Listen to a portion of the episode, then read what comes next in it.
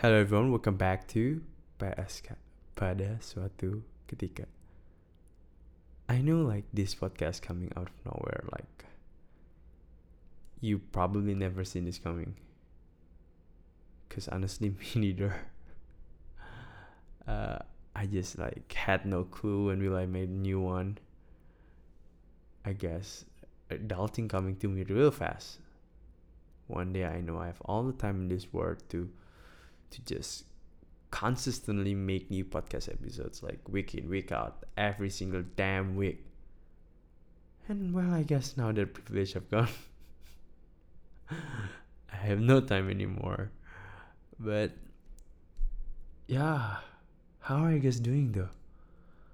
It's been more than a year huh? Hmm not not many things happening in my life honestly. Ya hidup gue gitu-gitu aja ya. Nggak ada kayak drama-drama or anything for past year. But uh I I I have something lah. I have the I have my re strong reason why I cannot uh, consistently make new podcast uh, I'm probably kayak uh, gue gak gue gue nggak even tahu gitu loh artworknya bakal kayak gimana, captionnya bakal gimana after this. Soalnya ini bener-bener random out of nowhere.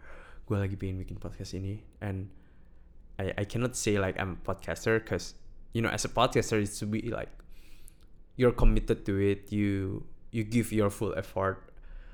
But this time I probably like just wanna share some thoughts. Karena menurut gue banyak yang um, di luar sana cerita gue ini relatable banget ya with the story that I want to bring, but not many of you actually realize that you've been through the same thing, you know. Jadi hari ini, okay, gue mau ngomongin tentang how I redefine the definition of relationship in my life. Lebih ke arah kayak how how I see it between myself and all other people around me karena menurut gue banyak orang tuh melihat sebuah hubungan di gue bisa bilang di arah yang yang salah gitu. Jadi pada suatu ketika okay let's let's start with the background check dulu okay. So for both of my parents my mom married my dad when she was like 23 23 years old. Uh, I can safely say she had quite decent job back in 1990 kerja di bank. Oke okay. Sudirman ya kan?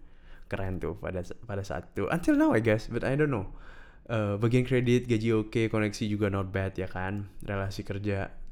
But she had to throw it all out for the sake of marriage with my dad. Yang pada saat itu dan sampai sekarang tinggal di Madura. Atau bisa dibilang ya ya desa you know. 100 100 miles away from Jakarta. Umurnya 16 tahun lebih tua gitu. Well mungkin financially lebih stable probably. Uh, but not that much sih dari cerita-cerita yang gue dapat itu kan. Kayak um, bisa dibilang my mom dapat sugar daddy not really you know. Karena emang bokap gue itu pelit mampus ke dirinya sendiri ya. he grew up poor both of them actually grew up poor right? And for for for my dad especially his lifestyle his lifestyle itu deh has always been like that you know?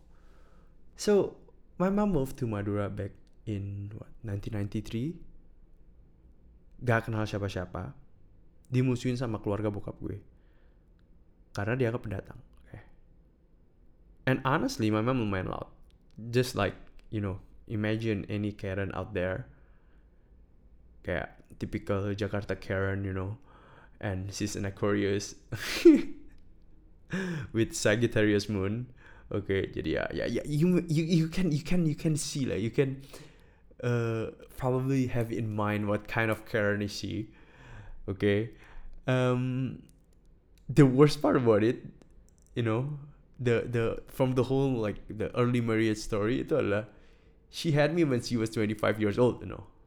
Jadi emang gue gue yakin lu pada yang dengerin podcast gue nih sekarang ada di umur umur ya plus minus 3 4 years dari situ gitu. Kayak I don't know when you are 20, 25 years old dan lu harus pindah all the way dari kota lu gitu kan ya. Jadi dia itu pikir kayak dia very emotionally very unstable you know.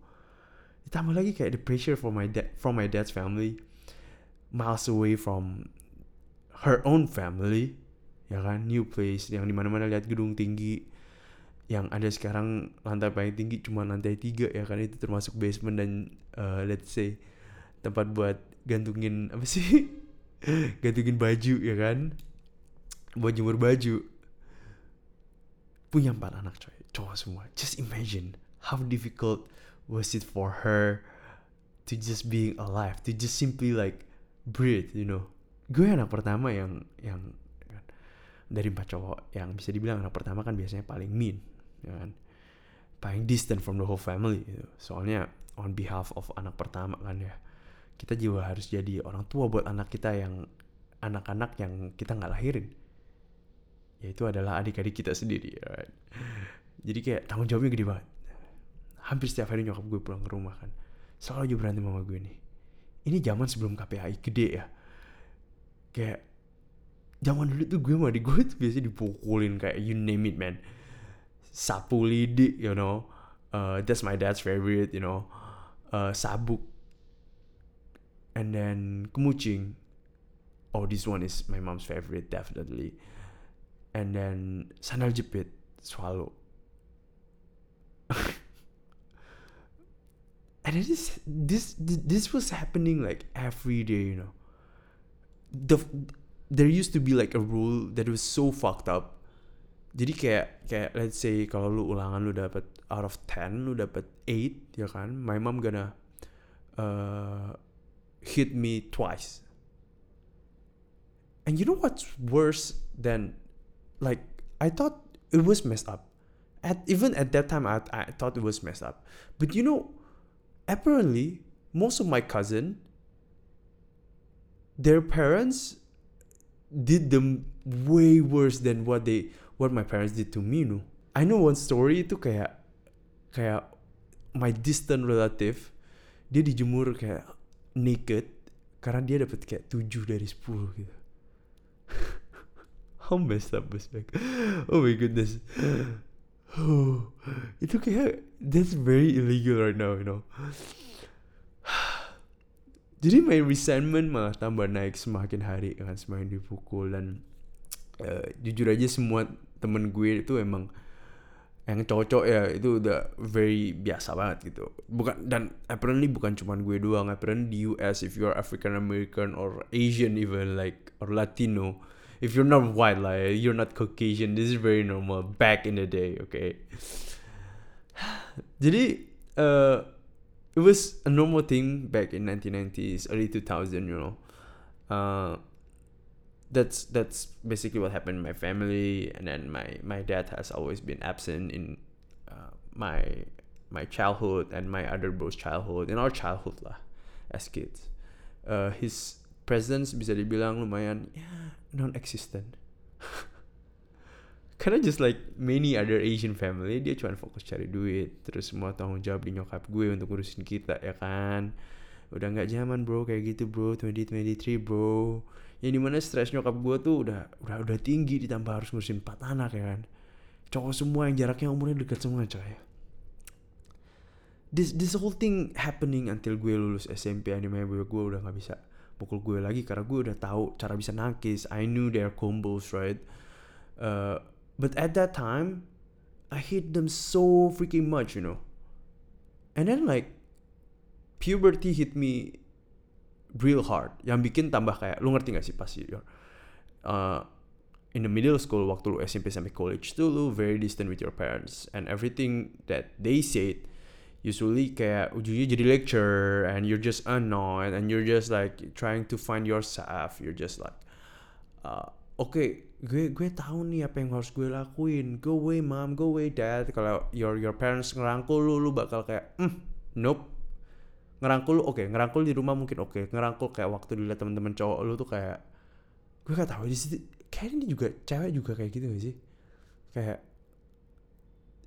not really sure karena semua bros gue adalah cowok tapi kayak lebih malu gitu kalau dilihat orang lain kan pada umur umur kayak gitunya ya kan. And then like uh, jadi gue udah gak deket sama with my parents tambah puberty wah gila sih. I feel like they're just raising me because it's it's more like their obligation. And then the way I acted to them how I behave around them juga. Karena ya sebagai anak aja nothing more than that. Yang katanya harus love them back unconditionally but emang easier said than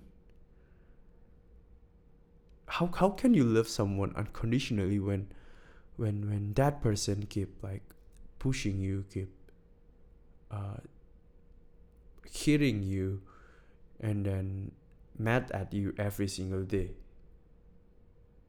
It's not that easy like i know they provide me with something but that is hella toxic bro. Jadi uh, ini gue potong dikit nih. Gue potong dikit jadi gue keinget nih. Uh, ada sesuatu yang lucu yang gue pernah bilang ke teman gue pas zaman zaman kita pada pada pada main dating app nih ya.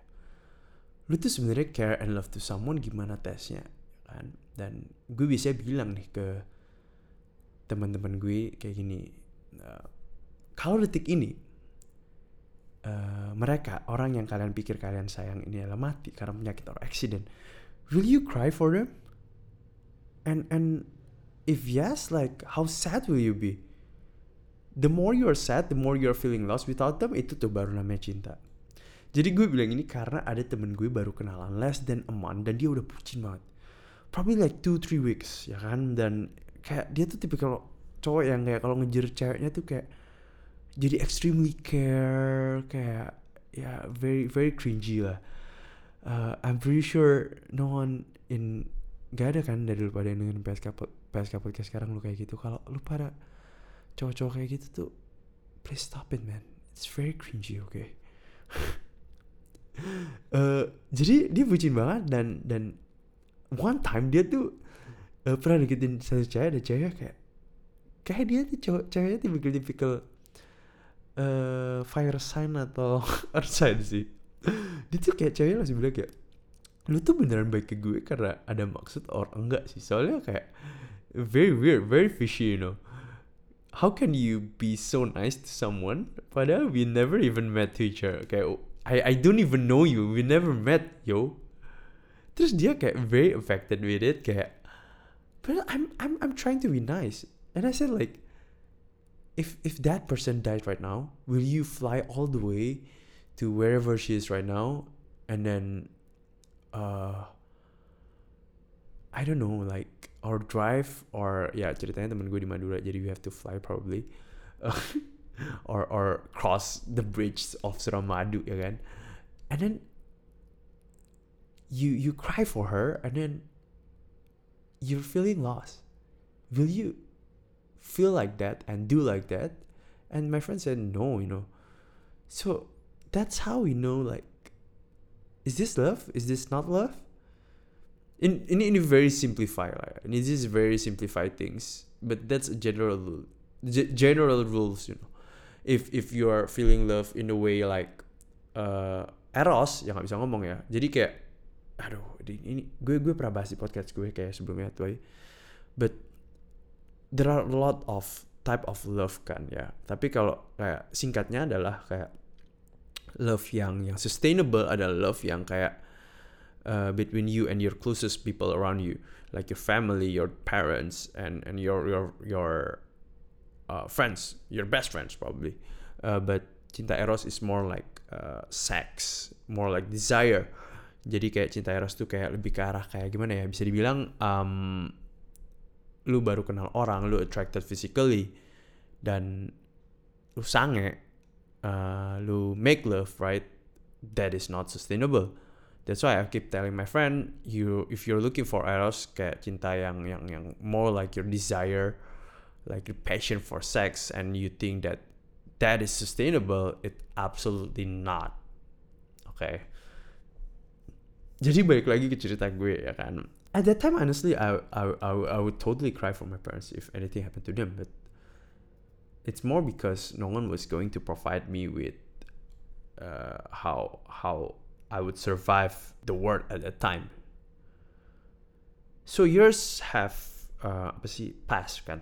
Dan gue graduated from college with all the circumstances. My life went downward spiral and akhirnya gue decided to read books going to the gym and everything you know blah blah blah you know the story right? Uh, but there is one uh, book that I read yang intinya tuh cuma bilang, bilang kayak gini kayak uh, gue masih pegang nih actually sampai sekarang. Always be there on dinner table. Gather with your family. And for those of you who have been listening to my podcast for the past years years yeah bukan past year because I didn't make a new one. Fuck. Okay you know how I truly believed in in snowball effects right? And how little things can make such a very very huge impact very huge difference itu. Nah akhirnya uh, akan hal itu adalah ya gue udah coba for like for past four years 2018 gitu kali kalau gue nggak salah. Dan jujur aja my relationship with my parents and my brothers itu berubah banget man. At this point I can safely say they are the closest human being in my life. Closest. Kayak bener-bener mereka yang paling deket hidup gue sekarang. Oh gini doang endingnya. Enggak tenang guys. Such a bummer to hear the whole story and the ending. Oh cuman kayak oh gue fine sekarang sama my fam. But okay seriously I'm totally fine with them.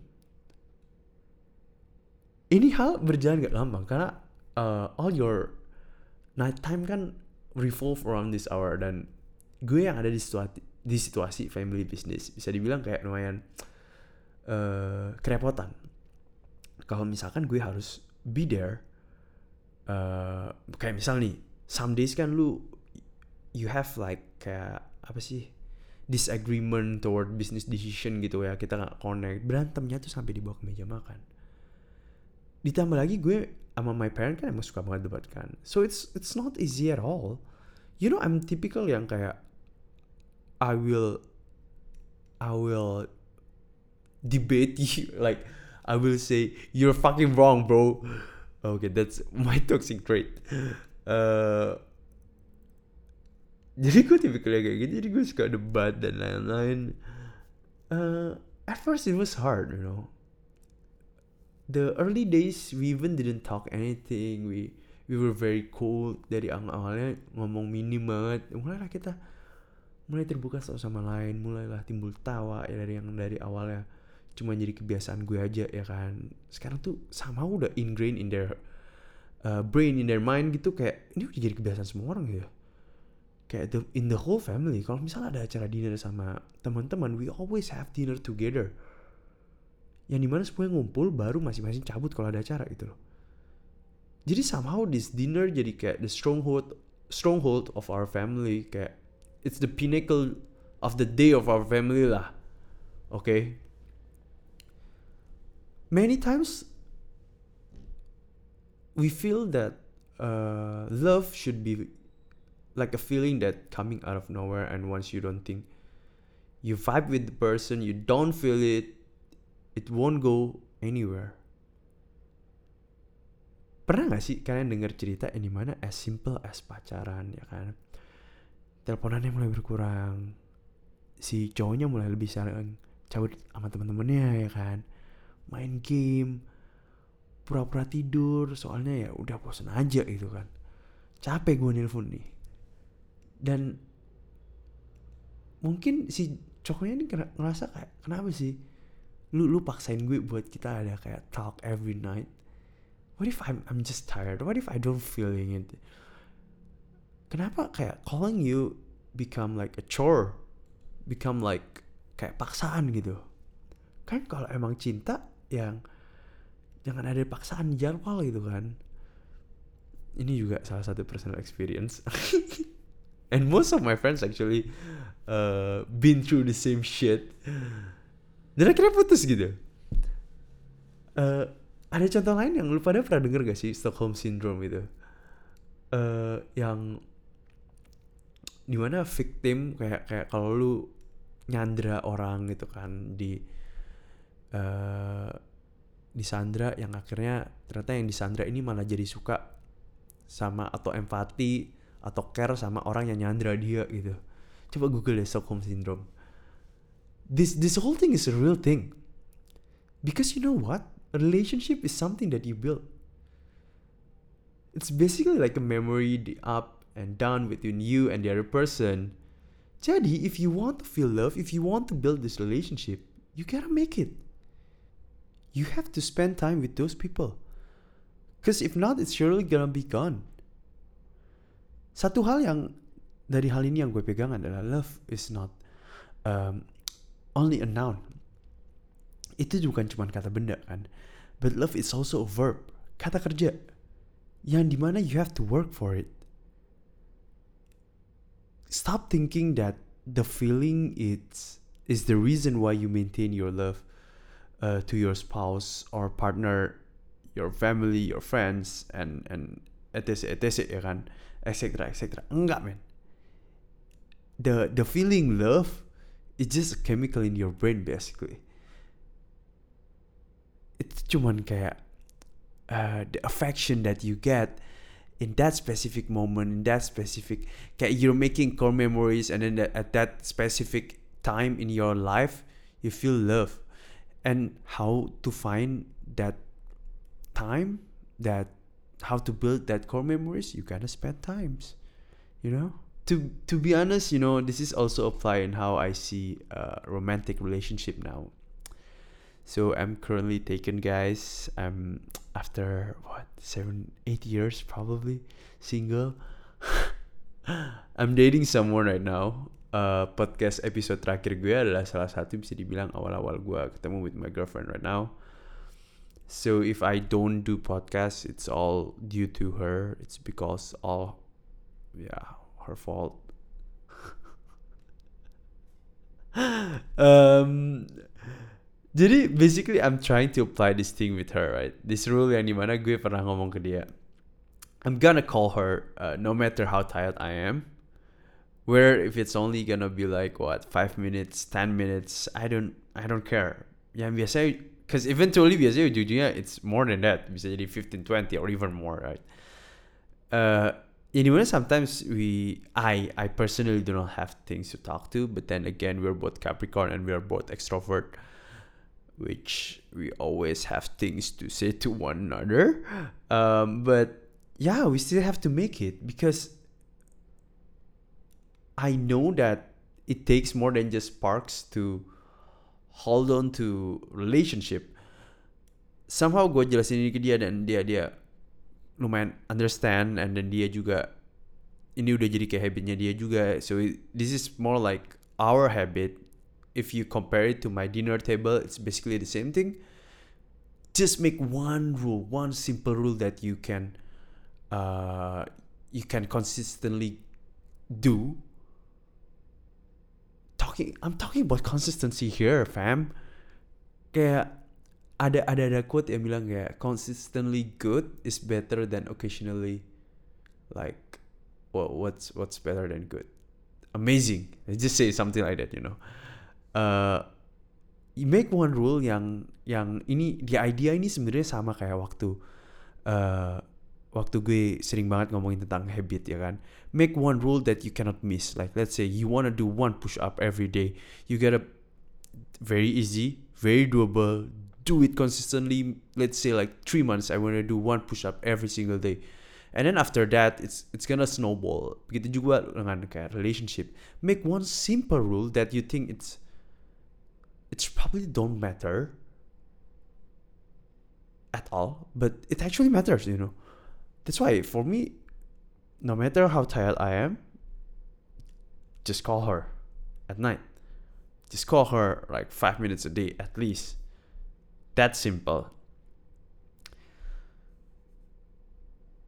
I feel like uh, we we always think that love is perfect, you know. Relationship tuh kayak should be like flawless.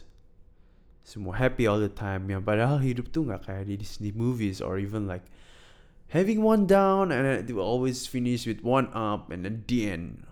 And unfortunately relationship tuh jauh dari sempurna dulu gue mikir kayak uh, kenapa nih gue distant banget uh, sama fam gue. Nggak kayak di film-film yang keluarganya deket banget. Apa sih film-film dulu tuh?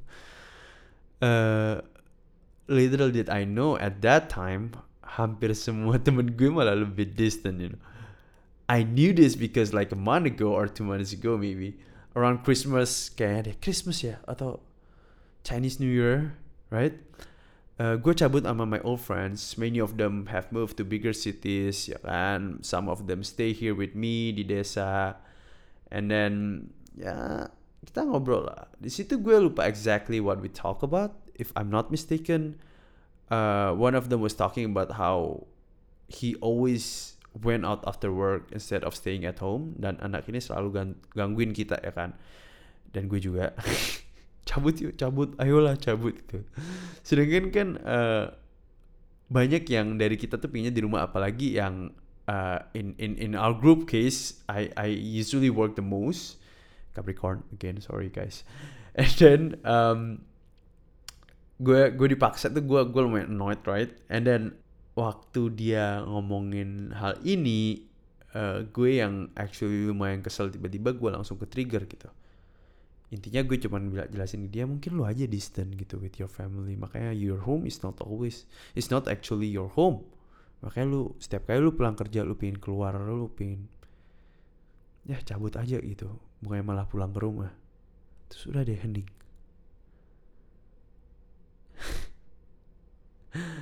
Uh, one of my friends tiba-tiba bilang actually Aan keluargamu loh yang paling kompak. Terus semua agree and then uh, I explain I explain to them about yeah exactly this podcast yang kalian lagi dengerin right? Uh, if you wanna be close with your family you gotta like you know uh, having a good having one simple rule that you always do like let's say every, always meet up on Sunday night or Saturday night if you if you all like very busy person mungkin di Jakarta tinggal pada jauh ya kan?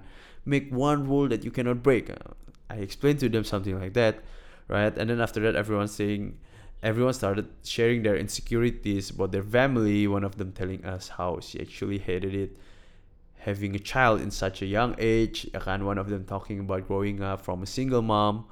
One of them talking about how the dad was such a burden. Their family.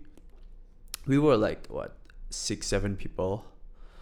Dari situ tuh gue nyadar ternyata, oh ternyata hampir semua uh, jalanin hidup itu relatable banget nih sama gue nih ya.